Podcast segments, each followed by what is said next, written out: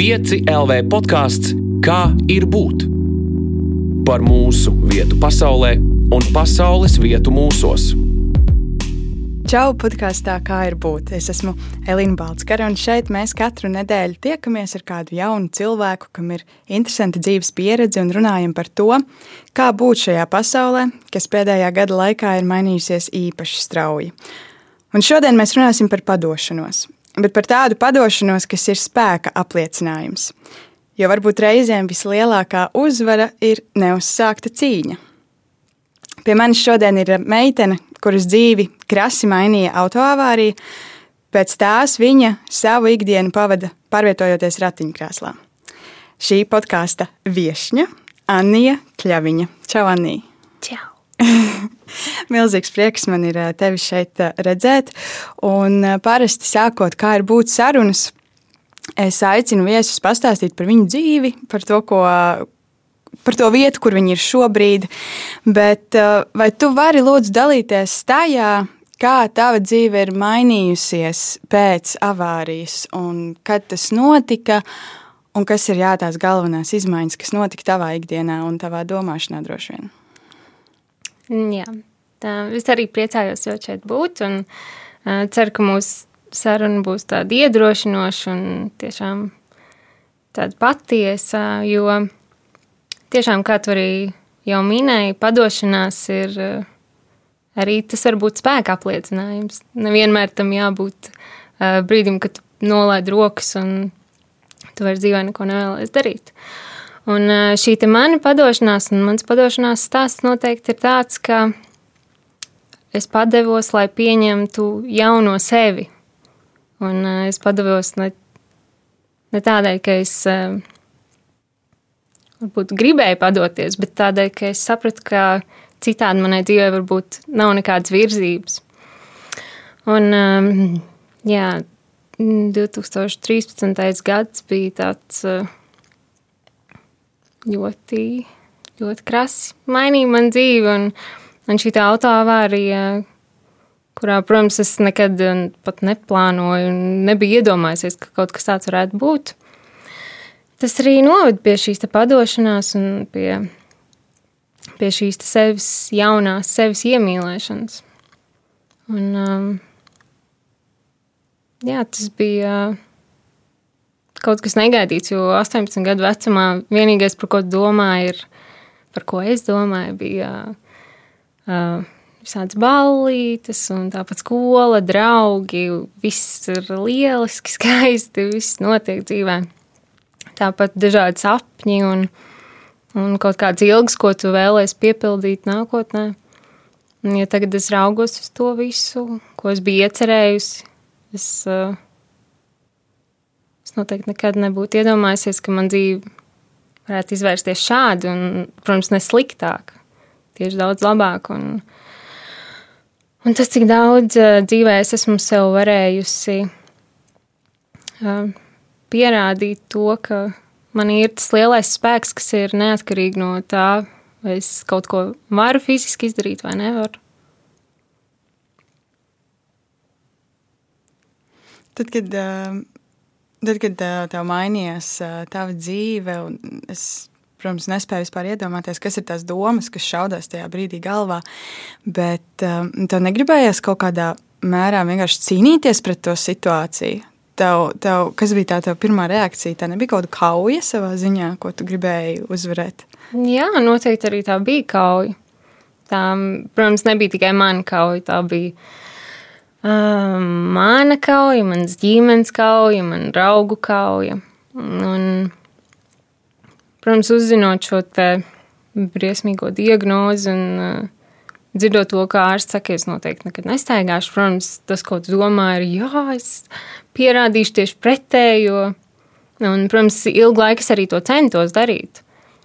Mm, bet uh, bija laiks, kad vienkārši bija jāpieņem šis fakts. Un, kopš tā brīža arī es sapratu, ka iespējams es esmu pat pilnvērtīgāka un laimīgāka esot šādi nekā staigājot un, kā saka, plīvinoties pa pasauli apkārt. Un, um, protams, šis tā atgadījums tik, tik ļoti mainīja mani kā cilvēku. Un tas manas vērtības, un, protams, um, pēc avārijas man vairs nebija svarīgi ne ballēties, ne kaut kur skraidīt ar draugiem, vai vienkārši bezmērķīgi izniekot savu dzīvi. Man gribējās darīt kaut ko labu kādam citam. Um, protams, bija ļoti daudz mēģinājumu, dažādi ārsti, dažādas uh, metodas, un es to visu darīju, bet, bet es to darīju tādēļ, lai izdarītu no sevis to vislabāko. Un, ja arī neatkarīgi no manis tas neizdodas, piemēram, es nepieceļos, es nevaru staigāt, nav nekādu uzlabojumu, tad es vismaz savā apziņā saprotu, ka es esmu izdarījis visu, kas man ir. Ko es esmu varējis izdarīt. Un, protams, vienmēr tu nevari izdarīt visu, ko tu varbūt varētu darīt. Tāpat ir dažādas citas lietas, ko gribas darīt, vai nevienmēr atrodas tik daudz spēka. Tomēr vajag arī sev pasaudzēt. Bet tam visam jābūt dzīvē balansā. Un tad um, es domāju, ka pēc tās manas padošanās arī arī manī ienāca tāds miers, tāda izpratne un tā vēlme izzināt mani jauno, kas esmu jaunā es, vairāk nekā dzīties pēc tā, tās vecās es, kas es biju un ko es varbūt biju ieplānojis, kāda es varētu būt. Laikam tā padošanās kaut kādā mērā ir tāda apstākļu veselīga pieņemšana, ne tā? Jā, jā tā to noteikti var nosaukt. Un tu teici, ka, nu, ka sākumā tu cīnījies nu, savā ziņā par spīti, jo tu gribēji pierādīt. Kas bija tas, tas kaut kāds lūzuma punkts vai pagrieziena punkts, kad tu saprati, ka tu gribi varbūt nolikt to savu spīti malā un, un, un darīt tā, kā tu jūties, kas tev bija tā varbūt tā padošanās, veselīgā, labā padošanās? Es vispār esmu ļoti spītīga jau kā cilvēks. Un, protams, tāda situācija, kurā es kaut ko nevaru izdarīt. Tas tam spītam liek vēl vairāk pārņemt mani. Jā, bet es aizmirsu jautājumu. Kas bija tas, kas tev ļāva to spītu nolikt maliņā un, un nomainīt to virzību uz padošanās pusi?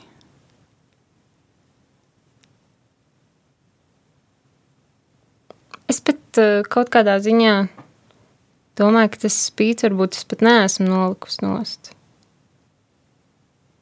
Es tā domāju. Mm -hmm. Arī pēc tās manas. Es domāju, ka tā ir eh, ir neatņemama manas sastāvdaļa. Un tā spīta dēļ arī es esmu daudz varējis izdarīt savā dzīvē. Un, eh, tas ir tas varbūt ne tas spīts pierādīt kādam, bet pierādīt sev. Un, man liekas, tur ir tā atšķirība, kad ir tas, kad ir tas labais, ka tu gribi, tu gribi tiešām pilnveidot sevi un tu gribi sasniegt lietas un tu gribi mācīties.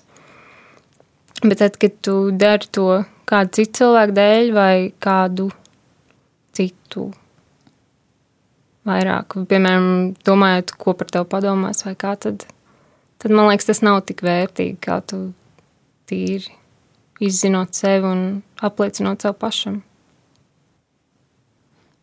Vai tu atceries savu tādu pirmo apzināto cīņu kaut kad, vai kā bērnam, vai kā pusaudzim, kad tu esi tā cīnījusies par kaut ko?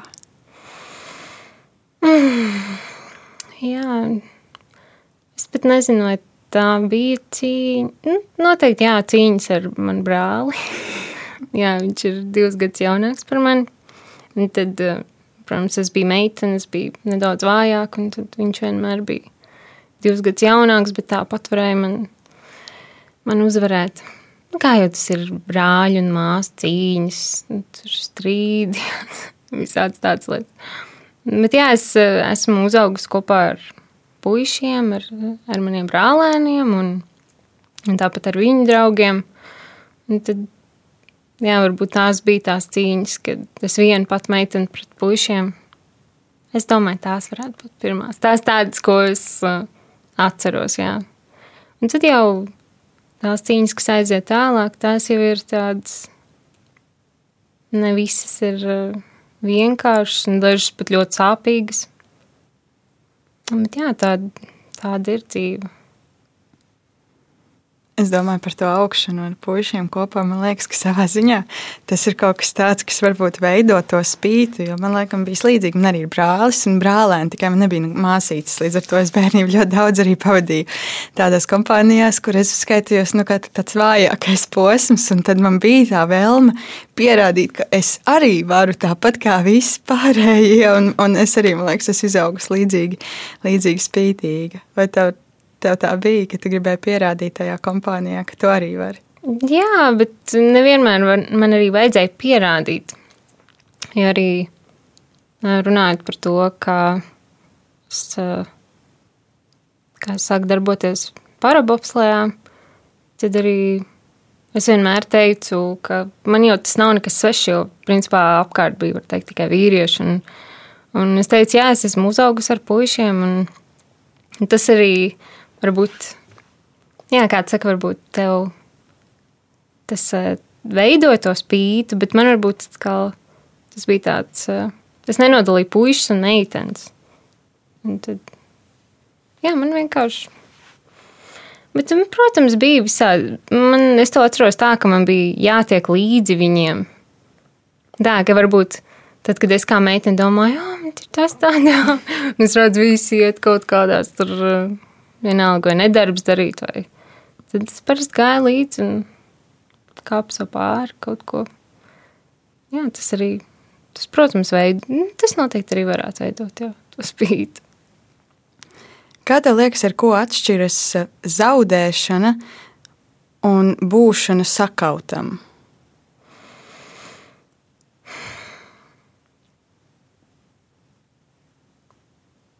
Tā man jāpadomā.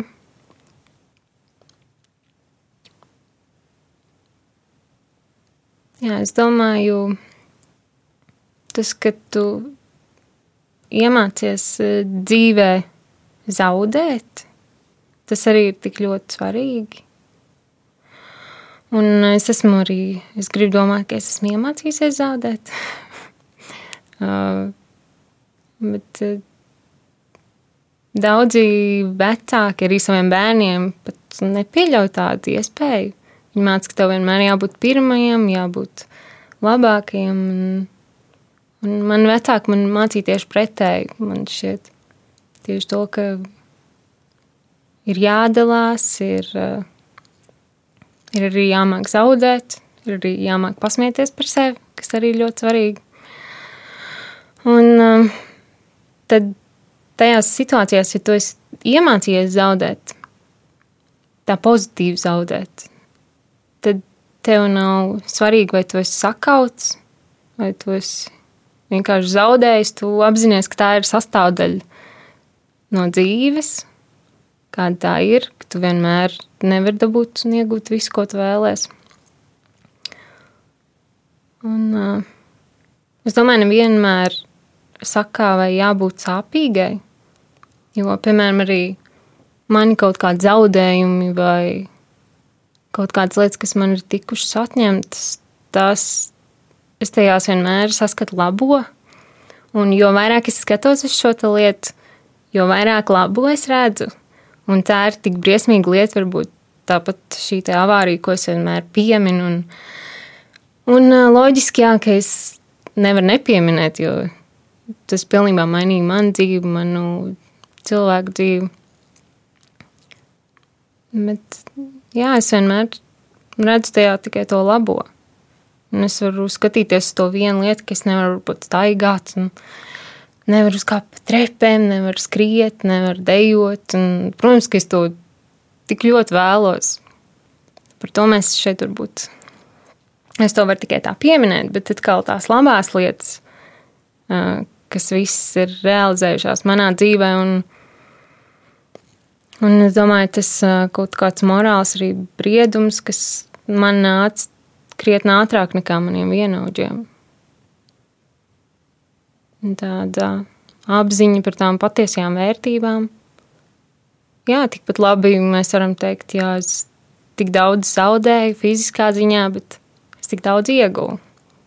Un tad man gribētos teikt, ka es šīs te uh, sakāves vai šo te varbūt kā piemēru, ka dzīve man ir sakāvusi un ka es esmu zaudējis varbūt kaut ko dzīvē, tad es to pavēršu tādā pozitīvākā gaismā. Jā, varbūt tad, kad nu, saka, kaut ko atņem, bet uh, kaut ko atņem, man liekas, bieži vien arī kaut ko iedod, vai ne? Jā. Tas tāds mājiņas darījums savā ziņā. Jā, tā tas ir viss dzīvē. Ir. Nekas nav tikai no vienas puses, vai nekas nav tikai vienā krāsā. Nekas nav vienā gaismā. Viss katrs cilvēks redz kaut kā citādi to. Tāpēc ir tik brīnišķīgi, ka mēs esam tik dažādi un mēs viens otru varam papildināt. Kā tev liekas, kam ir vieglāk padoties sev pašam vai, vai citiem? Kādā ziņā tieši? Mēs runājam par kaut kādām, piemēram, nu, tām iekšējām cīņām, un tad padoties kaut kādās iekšējās cīņās, vai padoties kaut kādās ārējās cīņās, um, cīnoties vai ar citiem cilvēkiem, vai ar apstākļiem kaut kādiem. Man kā spītniecei, es domāju, visgrūtāk ir sev padoties. Noteikti. Jo tik daudz reizes es esmu arī sev ļoti izdarījusi pāri. Tieši tādēļ, ka es nemāku laikā apstāties, vai es spītējos vienalga. Un, man tuvākie to zina, man ģimene to zina, mans vīrs noteikti to zina. noteikti. Es spītējos līdz pēdējiem. Bet jā, tomēr tas spīts sevi ir pārāk liels, un varbūt uz ārējiem apstākļiem paskatoties, ir vieglāk redzēt to, kam tu spītējies. Bet tad, kad tu spītējies sev iekšā, un kad tev ir šīs sajūtas, tad nevienmēr to redz, jo tu, tas notiek tev iekšā. Ja tu to kādam nepastāsti, un kāds to nepasakēja, nē, nē, tā nav labi, tad tu to turpini un, un turpini. Jā. Kā tu mācies to nu, ieraudzīt sevī tās cīņas un saprast reizēm, paga, paga, Anī, tagad, tagad šis ir jāliek malā, šis ir jābeidz. Kā, jo man liekas, ka es domāju, daudz cilvēki var sajust sevī kaut ko līdzīgu, ka tu saproti, ka es pats esmu tas cilvēks, kurš sev visvairāk dara pāri. Un kā to pārtraukt, kā tu to mācies? Hmm, tad, kad manī pazūd miers, noteikti. Tad es to vis, visvairāk jūtu. Tad, kad tu jūties diskomfortā ar sevi, tas, ka tev visu laiku kaut kas traucē, un, protams, to ir, tas arī tas var būt maldīgi. Ir dažādi apstākļi, kas tev ietekmē gan ikdienā, gan, gan dažādās lietās, bet Es parasti cenšos, tad, kad man ir ļoti grūti, tad es paņemu lapu, uzrakstu uz lapas kaut ko. Pēc tam paņem, saplēšu, izmet ārā sīkos gabaliņos, lai neviens nekad to nevar salasīt. Man tas ļoti strādā. Es tāpat rakstu arī tās lietas, ko es varbūt gribu sasniegt, vai kā es gribu augt, kaut kādus tos mērķus. Un tad man arī strādā tieši pretēji.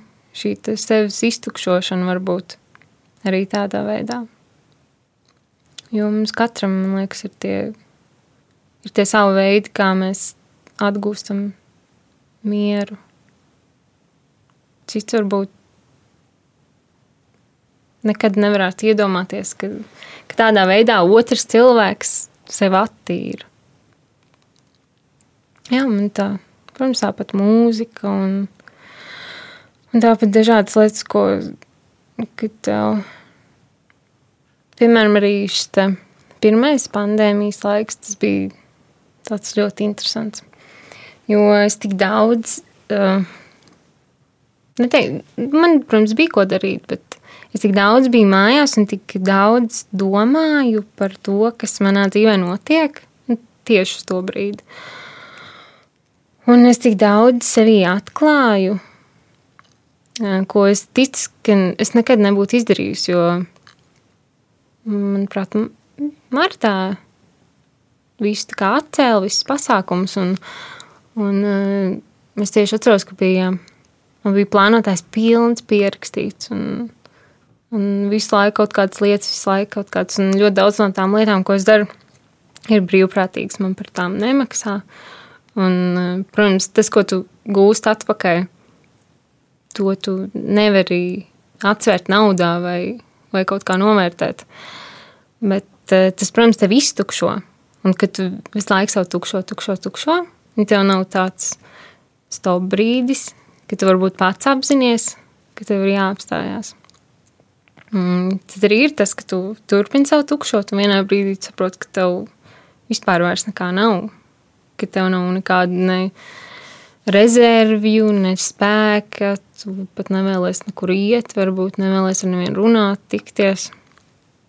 Jā, un tādā ziņā man šis laiks bija ļoti tāds vērtīgs, jo arī tieši saprast, kas manī notiek. Un, kad bija tāds miers, savu veidu, varbūt labi, tagad man jau ir apnicis tas viss, bet. Kā mums daudziem droši vien. Jā, bet um, es uz to skatījos tā ļoti pozitīvi.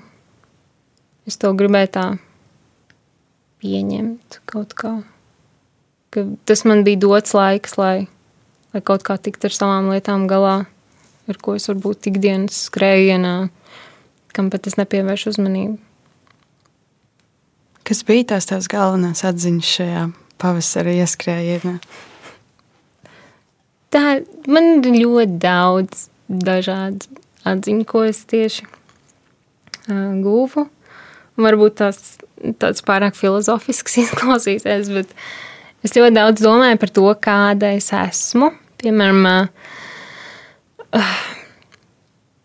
kā, vai es esmu tāda, kāda es esmu, vai es esmu izveidojusies tāda, kāds esmu. Un tas, protams, man šīs domas man raisīja dažādas lietas, kā es sevi uztveru un kā citi cilvēki, piemēram, man uztver. Un es, man šķiet, ka es esmu ļoti kautrīga. Un man parasti viss cilvēks, neviens cilvēks man nesaka, ka es esmu kautrīga, bet man šķiet, ka es esmu kautrīga.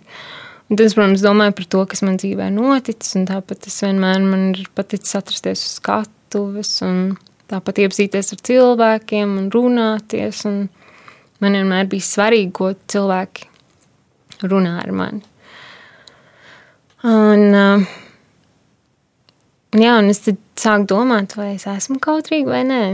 Un tad sāku domāt, kāpēc es esmu tāda izveidojusies, kas man ir mainījis, un vai, vai es jūtos ērti. Jo um, ņemot vērā to situāciju, ka mēs sēžam mājās, mums uh, daudz no mums jūtas daudz labāk nekā varbūt uh, ierastajā dzīvē, kad, kad varam tikties ar draugiem un un iet ārā. Un tāpat uh, tu vari iegādāties lietas internetā, tev nav jāiet uz veikaliem, drūzmēties. Tas jau it kā vienmēr ir bijis tāds pieejams veids, bet tomēr tik daudz lietas tu vari mierā sēdēt un pavadīt. Un tad tas, tas bija tā kautrība, bija tas, kas aizsāka varbūt to lielo lavīnu. Un tad sāk domāt, vai es esmu tāda, vai es tiešām esmu tāda, vai es esmu laimīga tāda, kāda es esmu. Un, un tā es, man šķiet, ka man vēl vajadzīgi būs kādi, vēl kāds pāris pandēmijas, lai es tiešām saprastu, kā, kā ir un kā būtu labāk. Bet ir labi vismaz domāt un vismaz kustināt to lietu kaut kādā ziņā, vismaz aizsākt. Es tā domāju. Jā, tas, tas arī bija tāds lietas, vienkārši par manu raksturu, par, par to, kā, kā citi cilvēki uz mani skatās un kā viņi man redz un kā es patiesībā iekšēji jūtos. Jo tas par šo garīgo veselību, tas, tā jau ir tik aktuāla tēma mūsdienās. Un man šķiet, ka katrs cilvēks tam pievērš ar vien lielāku uzmanību. Tā vismaz vajadzētu būt. Jo man tiešām iepriecina tas, ka jaunieši par to runā un tik, tik daudz cilvēku atklāja tās, tās savas grūtības, kas varbūt vēl kādu laiku atpakaļ nebija, neteiksim, varbūt pieņ, pieņemams, bet par ko neviens nerunāja. Jo, protams, visiem cilvēkiem, kuriem ir kaut kāds kaut kādi milzīgi pārdarījumi, tas jau viss atstāja sekas. Un, jā, un tāpēc tas, tas ir varbūt mans veids. Es daudz domāju par sevi. Ne, es nedomāju ne tā, tādā ziņā, ka es būtu egoistiska, bet es daudz domāju par, par sevi, kā es, kāds esmu un kāds gribētu būt. Un, protams, nevienmēr sanāk. Bet jā, galvenais censties un nevis atstāt skatīties no malas uz to lietu, bet vienkārši mēģināt sevi atrisināt kaut vai tas, tas kamols ir tik ļoti sapiņķinējies un gribas pārgriezt, varbūt vienkārši vienā brīdī ar šķērēm un viss. Bet nē, tev lēnā garā ir jātina. Tad tikai spēja iemācīties kaut kādas tās lietas dzīvē, kāpēc tieši ar tevi un, un kā tas skar tevi un ko tu vari izmainīt un kā to pagriezt tādā pozitīvā šķautnē. Lai tas tavu dzīvi izkrāso, nevis lai tas tev dzīvē piebeidz. Jā, tas pandēmijas laiks, laikam, kad mums pirmo reizi ielika mājās, mums bija jāmaicināti pavadīt laiku ar sevi, vienatnē daudz vairāk nekā tas ir ikdienā. Un, un tas jau ir tāda sevis iepazīšana bez tiem apkārtējiem kaut kādiem stimuliem vai bez apkārtējiem cilvēkiem, kas tomēr nu, ietekmē mūs, gribot, negribot, kā mēs uzvedamies reizēm. Jo, protams, ka mēs gribam um, ar visiem plus mīnus satikt, un, un, un mēs pielāgojamies bieži vien situācijai, un tad pēkšņi es tādā vidē, kur viss, es esmu tikai es ar sevi. Jā. Kas tad es īsti esmu? Tieši tā. Un tad ir visi tie iekšējie dialogi par, par to, kāds, kāds es esmu. Ļoti interesanti, man liekas. Es domāju, ka daudziem arī ir tādas, um, tādas pieredzes. Es par pandēmiju arī domāju, tajā padošanās aspektā, ka varbūt arī tas, ko tu stāsti, man liek par to domāt, ka tas mirklis, kad tas viss sākās un mūsu ikdiena ļoti strauji mainījās. Un arī tajā brīdī, es domāju, ļoti daudzi automātiski sajūt kaut kādu tādu pretreakciju, ka gribās cīnīties pret to, gribās cīnīties pret to, kas notiek. Kaut gan nu, tās mūsu cīņas jau nepalīdz tās situācijas risināšanā, tieši pretēji, viņas bieži vien var tikai traucēt. Un varbūt mums vajag arī padoties pandēmijai kaut kādā mērā, kā tev šķiet. Es noteikti esmu tajā pusē, kas atbalsta to, ko mums tomēr saka gudrāki cilvēki, manuprāt, izglītotāki. Jo ja es arī, protams, varētu varbūt gan savā Facebook, gan Instagram vai kur rakstīt visādas gudras lietas, Protams, es tā nedarītu, bet ir tik daudz cilvēku, kas mm, pavēlkās, varbūt tā, tā, tā dezinformācijai milzīgai. Un, un jā, un es pat brīžiem lasu to visu. Jo es gribu zināt, ko cilvēki domā. Un, labi, varbūt tas nav pats labākais uzjautrināties par to, bet uh, Bet tomēr jā, tas ir ļoti liels uh, pierādījums tam, ka cilvēki nespēja padoties tajā situācijai. Un ka viņiem varbūt šķiet, ka viņš ir gudrāks un ka viņš tagad visiem mācīs, ko un kā darīt, un ka maskas nav jāvelk. Un, protams, ir dažādas šīs sazvērstības teorijas, un varbūt ir arī daudz lietas, kam es nepiekrītu, bet tas nenozīmē, ka es eh, kaut kādā veidā nostājos pret šo sistēmu. Es uzskatu, ka galvenais ir būt drošībā un galvenais ir pasargāt savus mīļos. Bet, jā, protams, tas jau ir cilvēku dabā kaut kā meklēt kaut kādas vājos punktus, caur kuriem vilkt kaut kādas sazvērstības un vēl neiedomājamākās lietas. Bet es domāju, ka vairums jauniešu nav šajā starpā. Ka vairums jauniešu tomēr saprot, ka tam visam ir iemesls un ka galvenais ir tā mūsu veselība un tā mūsu drošība. Un es ļoti ticu, ka nāks labāki laiki. Kaut gan, jā, tikko vēl gadam sākoties, uh, bija tāda viena populārs tas, attēls, kur, kur bija cilvēki, kas tā kā domā, haha, mēs domājām, ka pandēmija ilgs divas nedēļas, mm, kā ir izvērties šis gads. Jā, jāmāk arī pasmiet. Es, es uzskatu, jāmāk par daudzām lietām pasmieties, un tad tev dzīvē ir daudz vieglāk, un jo vairāk arī māk par sevi pasmieties un par to varbūt situāciju, jo ne jau viss ir slikti. Es, piemēram, no tā esmu gūs daudz, ļoti daudz labā. Un, protams, es ne, varbūt neesmu pārāk objektīva, man tas ļoti finansiāli varbūt nav ietekmējis, un, un tik daudz cilvēku ir zaudējuši vai darbiņus, vai, vai nevar strādāt, vai ir ļoti lielos parādos kas ir ļoti bēdīgi. Un tas arī noteikti šo nepieļauj šo pat padošanos. Tas vienkārši vēl vairāk uzkūtīja tos cilvēkus, ka viss ir nepareizi. Bet tādi cilvēki vienmēr ir bijuši. Vienmēr tādi cilvēki arī būs. Protams, būtu jauki, ja tā nebūtu, bet atkal par to dažādību runājot, jā, tas atkal kaut kādā veidā, varbūt neizdēļo, bet izkrāso mūsu sabiedrību. varbūt tā ironiski skan, bet, bet tā ir. Tā pilnīgi noteikti ir. Es domāju, mēs esam diezgan krāsaini. Un, tāpēc jau ir interesanti, ka mēs varam droši vien daudz ko arī viens no otra mācīties.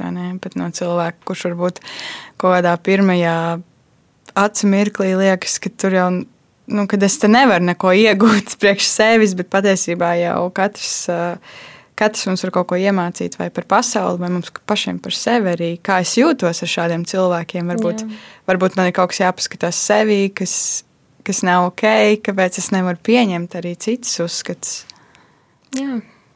Jā, tieši tā. Man pirms nu, jau kādiem četriem gadiem bija arī tāds ne krīze, bet kā jau es minēju par tām lapiņām, par to rakstīšanu. Un es uzrakstīju, piedod, ka es tev pārtraukšu. Es vienkārši esmu fascinēts par to, kādā mierā tu runā. Tu pirms tam teici, ka tu uzrakstīji visu uz lapiņas un saplēsi gabaliņos un aizmeti tos pats prom. Un tu to tik mierīgi saki. Man tas vienkārši pārsteidz, bet priecīgi. Turpini, piedod. Jā, Nē, tas, tas ļoti jauki, jā. Un es uz lapiņas rakstīju Es domāju, man, manī kaut kas nav pareizi. Daudzas lietas man traucē, un iespējams tagad es tieši šajā brīdī saprotu, kas man vēl būtu jāpieraksta. Tur man noteikti jātaisa jauns saraksts. Bet es rakstīju lietas, kas eh, man riebjas, kas man izraisa, pilnīgi, ka man ir pretīgas, likt dušu vai uh, tādas. Tā, tās nav konkrētas lietas, tas ir vispār kaut kāds, jebkas Un tāpat kaut kāda cilvēka, varbūt kaut kāda cilvēka kopumi. Un, jā, es uzrakstīju tās lapiņas. Es domāju, man katru dienu jācenšas kaut kā vismaz tikt galā ar to vienu no tām lietām. Un patiesībā es uh, tik ļoti izmainījos kā cilvēks, tikai atmetot dažas tās lietiņas. Un, uh, Katru dienu, kad tu to strādā, tu to kaut kādā, varbūt tas reizes pat noliec zemapziņā. Tu to nedomā katru dienu, oh, man tagad, nē, man jātiek no šī vaļā. Un tas ļoti mani izmainīja kā cilvēku. Jo tur bija dažādas lietas, tur bija, es varbūt nesaukšu konkrēti, bet kaut kāda varbūt arī aizspriedumi pret cilvēkiem un kaut kādas manieres. Dažas no tām es vēl neesmu varējusi izskaust. Um, bet, bet jā, tajā brīdī es ļoti augu. Tieši pie, kā tu saki, tieši pieņemot to, kādi cilvēki ir, ka var būt dažādi cilvēki, un ka tas, ka varbūt tie cilvēki kaut ko dara, un tas man kaitina, tad jau tā ir problēma manī. Jā.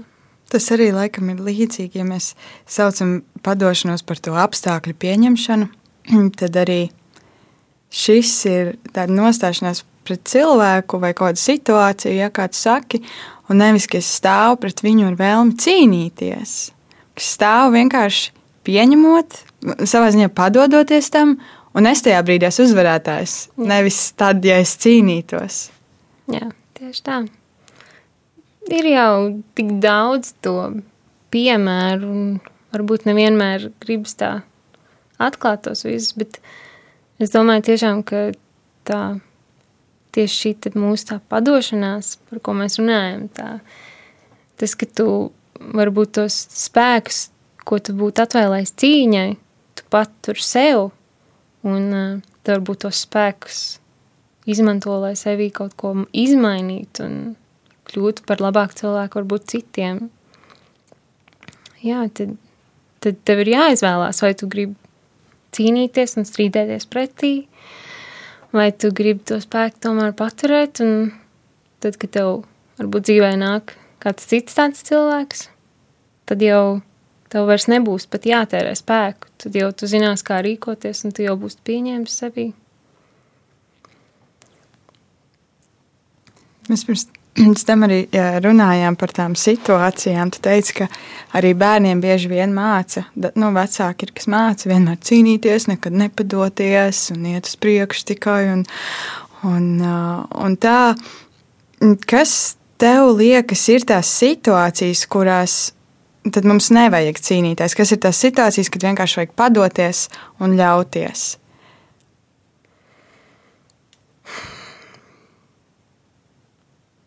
Padošanās man šķiet, manuprāt, arī nevar būt tāda līdz galam pilnīga.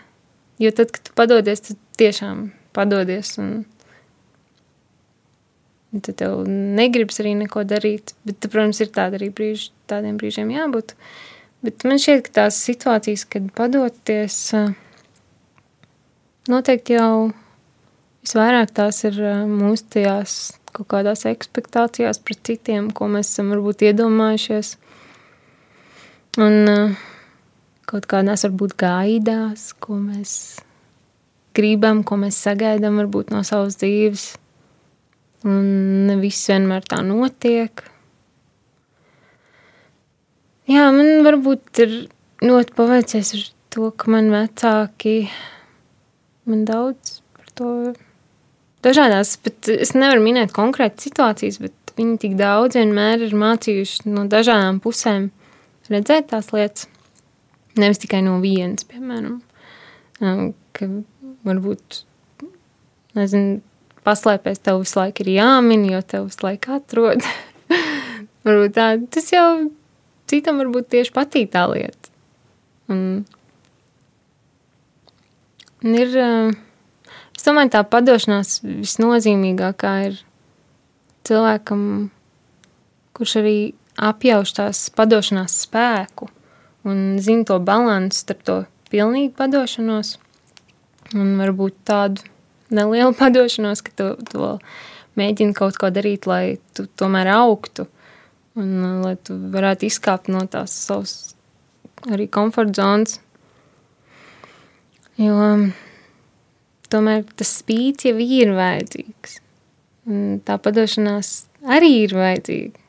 Bet tam jābūt līdzsvarā. Tāpat īsti nekad, man liekas, nevar zināt, kā ir labāk. Un tu vienreiz pieļauj kļūdu, citreiz tu mēģini kaut ko citu, un tu atkal esi pieļaus kļūdu. Un tad tu nesaproti. Un tad arī daudziem cilvēkiem pilnībā gribas varbūt padoties. Bet mm, jāmāk kaut kā ar sevi strādāt, tas ir tas, ko varbūt es darīju tad, kad vienīgais, ko es varēju darīt, bija gulēt gultā, plisināt acis, grieztos slimnīcā. Tā arī bija. Es varbūt to saku tā, smejoties par to. Kāds, kā jau es teicu, par sevi pasmieties nav slikti. Um, bet tikai tajos brīžos, kad es biju varbūt viena un kad man viena blakus nebija, tad tikai es sapratu, um, kā es ar savu mainīt, ka man ir jā, jāsmeļ spēks no sevis kaut kur, ka es nevaru vienkārši bezgalīgi tukšoties, un tāpat visu laiku iet uz fizioterapijām un uz dažām tām nodarbībām, trenēties. Kā arī tā padošanās, ka tu paņem to brīvo dienu, nevis septiņas dienas nedēļā, vingro un dari un cīnies. Un varbūt sev dar pāri, bet tu neatlaidīgi domā, nē, man tā būs labāk, man tā būs labāk. Vienalga tev nav labāk. Jā, tāpēc es domāju, ka te, tam spītam un tai padoš, padošanās tai vēlmei, tam jābūt tādam, tādam lēmumam, ko tu tomēr izsver nevis vienkārši, oh, šodien pamodos, šodien padošos, es laiku rīt cīnīšos. Un arī tā varbūt ir labi, un katram cilvēkam strādā pilnīgi citādi. To es esmu tik daudz redzējusi un, un skatījusies cilvēkiem, kā viņi cīnās savā dzīvē. Viņi dara varbūt pilnīgi pretēji, kā es jebkad darītu, bet viņiem sanāk, un, un es par to priecājos. Tas ir brīnišķīgi redzēt kādu, kurš dzīvē neatkarīgi no tā, vai viņš spītējās, vai viņš padodas, ka viņš, viņš vienkārši dara. Tāpēc es domāju, katram ir, katram ir jābūt tai savai zināmai robežai. Un tā ir ar visu. Droši vien tās ir arī tās robežas, ko mēs mācīsimies visu dzīvi. Jā. Arī tos brīžus, kad, kad spītēties un kad padoties. Jā, tieši tā. Un tās mācības stundas jau ļoti dažādas. Jā, katram savs. Tāpat es arī. Tāpat man ļoti daudz cilvēku raksta, ne tik mīļi. Un, Varbūt es pilnīgi citreiz tur apraudos vienu pat sēžot un par to, kā cilvēki vispār, kā viņi redz, piemēram, mani.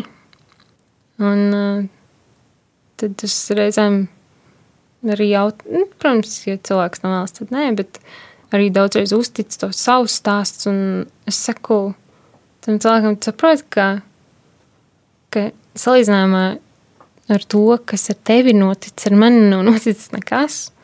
Un šie cilvēki saka, tu esi tik stipri, tu esi, tā, tu esi tāds malcīts. Un mēs visi esam malcījuši kaut kādā ziņā. uh, bet man dzīvē varbūt nav bijuši tādi. Ir šis tā fiziskais, protams, uh, viss, ar ko bija jācīnās ar to pašvērtējumu un ar to vispār kā atrast sev no jauna dzīvēm bet tik daudz cilvēki zaudē sev tuviniekus uz, uz neatgriešanos. Un tik daudz cilvēku ir varbūt izauguši vardarbībā, tik daudz cilvēki uh, dzīvo ar mammu un tēti, un viņi nekad nav jutuši mīlestību.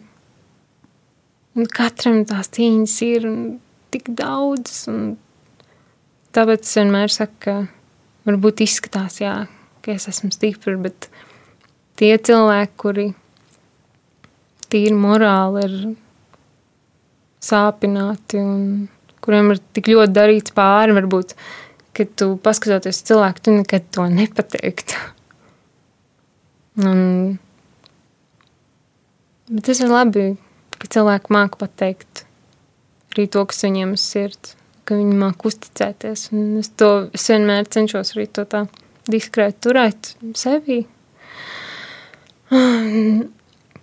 Bet jā, ir daudz, tik daudz sāpju pasaulē. Tāpēc arī es nezinu, vai man jau kad būs bērni. Tas, ja mēs runājam atklāt, tā arī ir. Jo, ja es iedomājos, ka manam bērniņam, kas man būtu svarīgākais pasaulē, piemēram, būtu jāiet cauri kaut pusē no tā, ka mēs esam gājis cauri es vienkārši, es nezinu, tad gan es noteikti padotos uz padošanos uz visiem laikiem, bet noteikti jau tā nebūtu. Bet pasaule ir tik skarba un, protams, es priecājos, ka es esmu dzīva un ka es varu baudīt tos labos brīžus, tāpat ir sliktie brīži, kā jau visiem. Bet man tomēr tajā dzīvē es esmu izvēlējusies vairāk tos labos brīžus. Un ne tādēļ, ka, ka man ļoti labi vienmēr ir gājis, bet tāpēc, ka es tā cenšos to pārvērst tā. Tā var būt. Jā, tādēļ dzīve ir nežēlīga, ļoti briesmīga. Bet tajos brīžos, kad tu esi dzīves un tu esi laimīgs, tad tev liekas, nekas slikts pasaules nenotiek. Un, un viss ir tik skaisti. Un tā arī ir. Bet ir arī otra puse. Man liekas, tas, ko tu saki, ka tu centies pagriezt to vai ieraudzīt to labo un skaisto, tas jau, man liekas, ir tas lielais spēks nu, cilvēkos. Jo tas prasa tādus milzīgus iekšējos resursus tajā brīdī saņemties un paskatīties to situāciju no citas puses. Un arī tas, ko tu saki patiesībā par bērniem un šo pasauli. Tu neesi pirmā, kas šajā podkāstā arī to saka, jo mēs arī esam par to runājuši. Nu, kā ir, ka tu skaties uz to lielo nākotni, kas ir pasaulē priekšā, no tās šī brīža skatu punkta, ka dažbrīd tiešām liekas, ka paliek sliktāk. Nu, it kā tā nav. Nu, pēc visādām statistikām jau daudz kas pasaulē tiešām uzlabojas.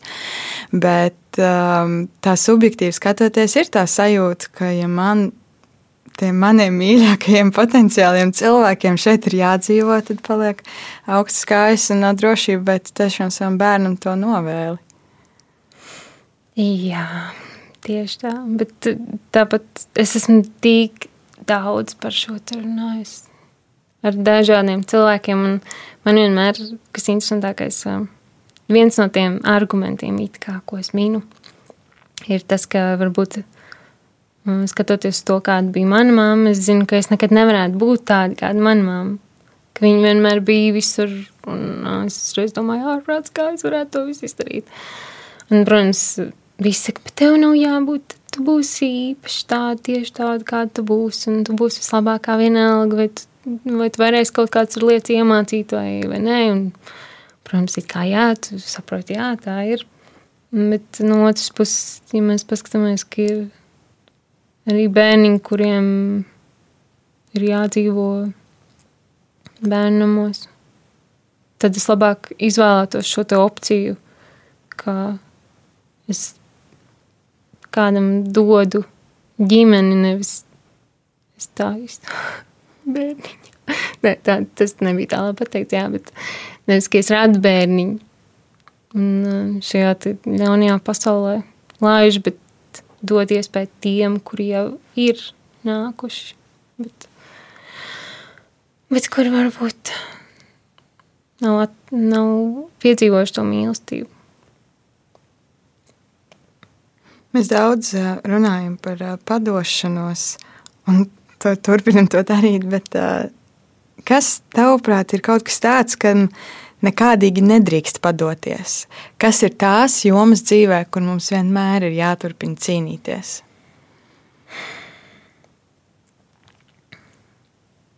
Es domāju, ka noteikti turpināt cīnīties par savu, saviem mīļajiem, savu ģimeni. Kaut gan arī tāda ir Varbūt es neesmu vienkārši nekad dzīvē piedzīvojis kaut kādu alkoholismu, varbūt, vai savā dzīvē. Un tad arī ir tās reizes, kad varbūt, kad bērni noskatoties saviem vecākiem, ka viņi varbūt saprot, ka viņi negrib padoties, bet īstenībā viņiem vajadzētu. Varbūt padoties nevajadzētu kaut kādam slinkumam, jo ir jāmāk atšķirt kaut kādu atpūtas brīžus, un ir jāmāk atšķirt to, ka tu jau esi iegrimis kaut kādā bezdarbībā, Man gan tas ir diezgan reti, jo man labāk patīk darboties un patīk, ka man dzīve ir piepildīta un kaut kas notiek. Bet uh, ir jāmāk, visu laiku jāmāk atrast to balansu. Nu, es domāju, ka nevajadzētu arī padoties tādai bezizējai. Tas varbūt ir tas, kam nevajadzētu padoties tiešām. Ka tu vienmēr vari atrast kādu spraudziņu, pa kuru ieraudzīt gaismu, vai, vai kādas durvis, vai logus, mm, kā jau viss šie te teicieni. Vai ne? Ja tev aizver durvis, tad meklē logu vai, vai vienalga kaut vai pa skursteni rāpies ārā. Un tie cilvēki, kas to gribēs, tie vienmēr arī noteikti šo te izēju atradīs. Tam noteikti nevajadzētu. Nevajadzētu paļauties, bet es tā varbūt. Man varbūt vēl būtu jāpadomā par to, kam tiešām nekādi nevar padoties noteikti jāteikt, tai dzīvei. Reizēm tev ir mazliet jāatlaiž, bet nevar padoties. Jo ir tik daudz cilvēku, kas tev mīl un kas tev atbalsta. Un kaut vai tev ir viens cilvēks, viņš tev bezgalīgi mīl. Kaut vai man ir viens sunīts, viņš man tā mīl. Tāds tas ir. Tā tiešām. Kad pasaulē, es domāju, ka jebkurš pasaulē ir vajadzīgs. Un, protams, es negribētu tagad runāt par kaut kādiem ļoti ļauniem cilvēkiem, kuriem vajadzētu būt cietumā. Un par to es varbūt negribētu aizskart, bet, bet ja, tu, ja tev kaut kas dzīvē nesanāk un tev liekas, ka tu neesi labs, tad vienalga esi vajadzīgs. Ja līdz brīdim, kad tu nedari citiem pāri, un, un pat citreiz, ja tu varbūt dari pāri, vienalga tu esi vajadzīgs. Un tāda padošanās, kā kā tāda padošanās, protams, tas ir vieglākais, bet tiem visiem cilvēkiem, kas paliek pēc tevis. Jā. Es tevī klausoties, iedomājos, ka varbūt tas, kam nevajag padoties, kaut kādā mērā ir nu, ļaunums. Jā. Ka tas Arī. ir tas, mēs reizēm, es domāju, mēs katrs varam pateikt, ka mēs esam kādreiz izdarījuši kaut ko tādu, ko mēs negribam. Mēs esam kādreiz kādu sāpinājuši, bet mums tam nevajag padoties, vai ne? Mums pret to vajag droši vien cīnīties. Jā, tā ir, bet arī. Jā, nu kas, kā, kā lai to. Piemēram, ir visādi cilvēki, tāpat internetā ir iebīgi. Tā, nu, tas savā veidā ir ļaunums. Bet Piemēram, es esmu iemācījusies kaut kādā veidā tam padoties, vai to teiksim, nelasīt, vai, vai nobloķēt. Vai... Tādā ziņā es domāju, varbūt no tāda skatu punkta, tad varbūt tev vajag padoties un izdarīt to no savas puses. Un... Es nezinu, tas nebija labs piemērs. Nē, tas ir labs piemērs, jo, nu, nu jā, es domāju, tas droši vien ir vairāk par tādu nepadoties kaut kādam ļaunumam, kas var tevī. Nu, mēs katrs Jā. pats esam atbildīgs mm. par to, ka es nepadodos tam ļaunumam, kas ir manī. Un, uh, un, jā, un, un, un tam apkārtējam, protams, ka tādiem komentāriem, es domāju, daudz piekritīs, ka vienkārši neļaut tam man ietekmēt, vai ne? Ka es, um, es uzturu to savu iekšējo labumu un, un kopju savu dārziņu. Jā. Bet šis ir ļoti labs jautājums. Man noteikti būs jādomā par šo. Es arī par to domāšu. Jo es, es jau arī šajās sarunās es pati arī izdomāju visādas domas, kuras es pirms tam varbūt nemaz nebiju iedomājusies. Un vēl viena lieta, ko es iedomājos, ir par drosmi. Un kur padoš, tajā padošanās procesā ir drosmes vieta. Uh, Jo padošanās kādam var izklausīties pēc nu, gļēvulības vai ņuņa, ko nevar tur cīnīties, bet varbūt tā, tā ir tāda īsteni drosmīga darbība. Mm, jā, noteikti. Teic, varbūt var no savas dzīves izstāstīt um, par tieši par šo parabopslēgu, kurā es arī vairākus gadus darbojos un kur šī diezgan diezgan sekmīgi arī startēju. Man bija šī situācija, kad es sapratu, kad es arī padevos. Jā. Mm, es vairs negribēju to darīt. Un iepriekš tas man bija sagādājis tik daudz emociju, un man tik ļoti patika. Un viss bija tik lieliski, un tāpat man bija savs sponsors, un viņš man bija gatavs jebko darīt, lai, lai tikai man izdotos. Un, un, jā, es sapratu, ka man ir jāpadodas. Un tas prasīja ļoti lielu drosmi. Jo galvenokārt jau es pados tā iemesla dēļ, ka es vairs negribēju ceļot apkārt pasauli un traukties lejā popslēju trasi un tāpat sev traumēt. Un es gribēju vienkārši būt mājās pie saviem cilvēkiem. Un, un tad tieši es biju iepazinusies ar savu vīru un es gribēju pie viņa mājās. Bet, protams, man bija visi tie līgumi, tāpat ar, ar sponsoru, un tāpat tā atbildība nest arī viņu vārdu, un tāpat viņam rādīt tos sasniegumus, varbūt, ko es esmu spējīgi izdarīt, ko es esmu darījusi. Tāpat atbildība pret visiem tiem, kas varbūt man atbalsta, tie, tie sekotāji, skatītāji.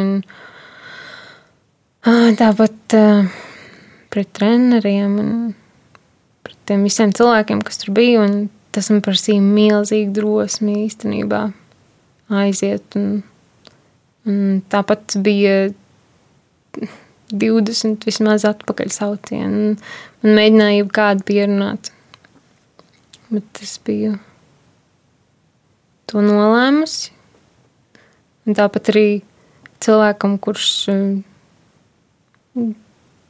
ļoti, ļoti liels naudas līdzekļus ir tevī jau ieguldījis. Tur, mm, kā, turpināt ieguldīt. Arī šim cilvēkam teikt, ka, ka nē, man nevajag, es negribu vairs.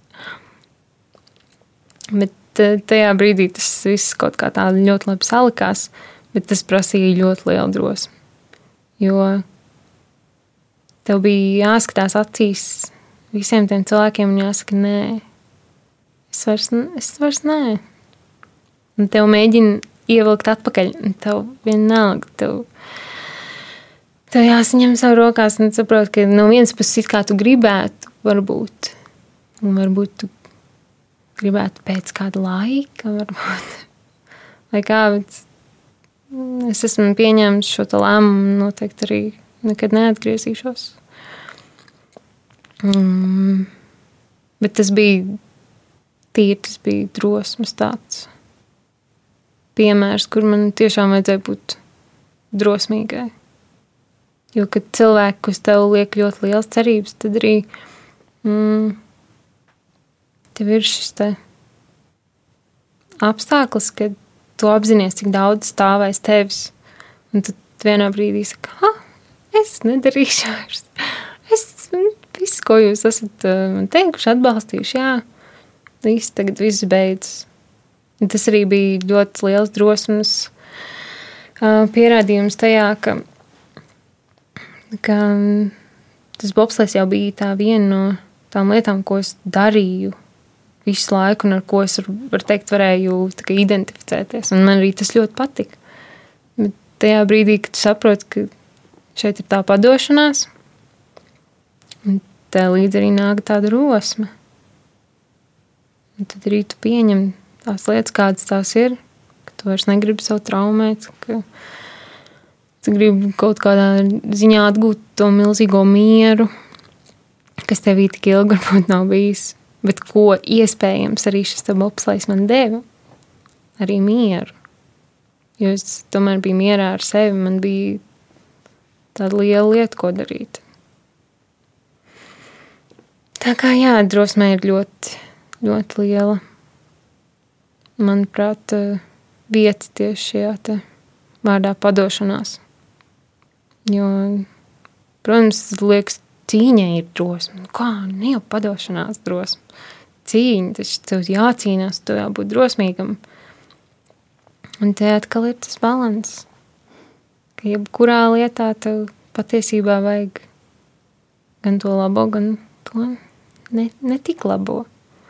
Tev tāpat vajag to cīņu, un tev vajag to drosmi. Un... Galvenais nenobīties. Ja tu tā jūties, tad tev jādara un, un viss. Bet ir jāpārdomā gan nedaudz. Nevar tā impulsīvi pieņemt lēmumus vienkārši divās minūtēs. Jā, Jā tīpaši tādas liels lēmums, vai ne? Jā. Tad, kad tu to stāstīji, man radās vēl viena pārdoma un, un jautājums, ar ko padošanās atšķirās no atdošanās? Mm, varbūt padošanās ir, manuprāt, nu kā, kā es to um, varbūt padošanās ir, ka tu apzināti padodies, bet kad tu atdodies, tad nē, tā nebūs. Man liekas, atdošanās tomēr tāda vairāk, ka tu, tas nenāk no tevis tik daudz. Nē, es nezinu. Man tik daudz jautājumu būs jādomā. Mm. Kā tu domā? Kā es, es tev paintervēšu. Kā tu domā? Reiz reizē tā notiek, kad es tieku ielikt otrā lomā. Atdošanās. Atdošanās ir tāda nodošanās vai ne kaut kam. Es tagad domāju, runājot, protams. Atdošanās. Padošanās.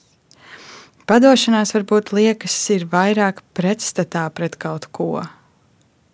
Bet atdošanās liekas, ir kaut kas tāds, kur tev nav nemaz tā nepieciešamība cīnīties, kur tu vienkārši atdodies kaut kam. Jā. Kam tu vēlēsies atdoties? Es tā izvēlējos. Es atdošos šim. Un Jā. Tu vari arī atdoties cīņai nu, Mm -hmm. kaut, kādā, kaut kādās reizēs. Bet kaut kā citādi man liekas, ka tur nav tas pretstats varbūt. Jā. Bet tas tikai manas domas. Tā, jā, es arī tā domāju. Grūti tā uzreiz tā. Protams. tā. Šie ir tik labi jautājumi, ka tie noteikti jums jāieliek lejā, un lai katrs pats izdomā, un tad mums varbūt atsūta pēc tam, kāda ir viņa varianti. Mēs mēdzam jā, uzdot jautājumus, un, um, un mēs arī daudz uzdosim. Mēs domājam, kā aizvien vairāk motivēt cilvēkus padomāt. Tieši tā, mums tagad ir laiks varbūt vairāk to darīt, un, un, un uh, kā arī tu saki, ka tas ir ļoti, ļoti vērtīgi, ka tas mums palīdz saprast sevi, saprast pasauli un, un augt varbūt par kaut kādā veidā labākiem cilvēkiem. Um, bet uh, noslēdzot, man gan te ir vēl visādi jautājumi, kas uh, es varēšu iedot savus lapiņus līdzi. Tu varēsi iziet cauri un atbildēt arī uz tiem, kurus es tev nepagūvu uzdot. Bet, bet beigās par, um, par kaut ko jauku. Uh, Pastāsti, kā izskatās uh, padošanās vai atdošanās. Tu vari izvēlēties mīlestībai. Mm, jo.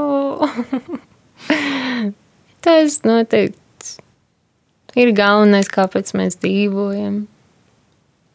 Jā, un ir tik grūti apzināties, ka ir cilvēki, kur varbūt pilnvērtīgi to pat nav jutuši. Jau no mazotnes varbūt. Bet tā mīlestība. Jā, protams, man bija ļoti brīnišķīga ģimene, es tik daudz mācījos mīlestību. Un man liekas, iemācos. Tāpat arī draugi, kas man pāris no ir palikuši. tik milzīga mīlestība. Un, protams, man vīra mīlestība. Un tad vislielākā mīlestība man mazā ļuja mīlestība. Ārvats, man, um, kad bija manuprāt, 12 apmēram gadus vecs, tad mums bija mājās mazs kucēns. Bet šis tā sunīts dzīvoja tā kā mums laukos, viņš bija kāds divas nedēļas, varbūt trīs mājās. Un es nepagūtu tā īsti izbaudīt šo mīlestību. Bet tagad, ārprāts, es nekad neko tādu neesmu jutis. Viņš ir greizsirdīgs. Tāpēc mēs dzīvojam kopā. Ar, trijotā vīrs esmu un viņš, un viņš tāpat ir uz vīru dusmīgs un greizsirdīgs un neļauj man darīt pāri. Un, un katrā lietā jau ir mīlestība, un tāpat mīlestība ir tas, ko tu dari. Kā tu ar kādu mīlestību tu izdari tās lietas, kas varbūt arī liekas pašsaprotams. Un kaut vai ar kādu mīlestību no rīta saklē gultu vai cik daudz pievērst kam uzmanību. Un, jā, padošanos mīlestībai. Daudzas arī savā dzīvē esmu padevusies tam, ko es varbūt domāju, kas ir mīlestība, bet kas nav mīlestība. Un te atkal mēs runājam par tām tautām mācību stundām, kas tev tomēr ir jāpieļauj kādas kļūdas. Un mīlestība tik skaisti. Tas tik labi, ka tev kāds mīl un ka tu vari kādu mīlēt. Un tāpat tā mīlestība, ka tev varbūt nav jāmīl tieši konkrēti cilvēks, bet ka tu vari ar to mīlestību dalīties un tu vari dot varbūt cilvēkam, ko tu vispār pirmo reizi dzīvē satiec. Tāpat tā mīlestība ir. Kāda ir tā mīlestība, ar kādu mēs izējām katrs no savas mājas? Mīlestībā ir tik daudz to piemēru. Un patiesībā man varbūt kādreiz likās, ka ir viegli atšķirt to mīlestību no kaut kādām citām, varbūt tām izpausmēm un kaut kādām citām sajūtām. Un, bet patiesībā tā arī tas ir. Ka mīlestība to jūt un tas vienkārši ir. Tas neizskaidrojamais, kāpēc, piemēram, es dzīvoju. Kāpēc pasaule liekas skaista. Tāpat tāda kopība, ko mīlestība spēj dot.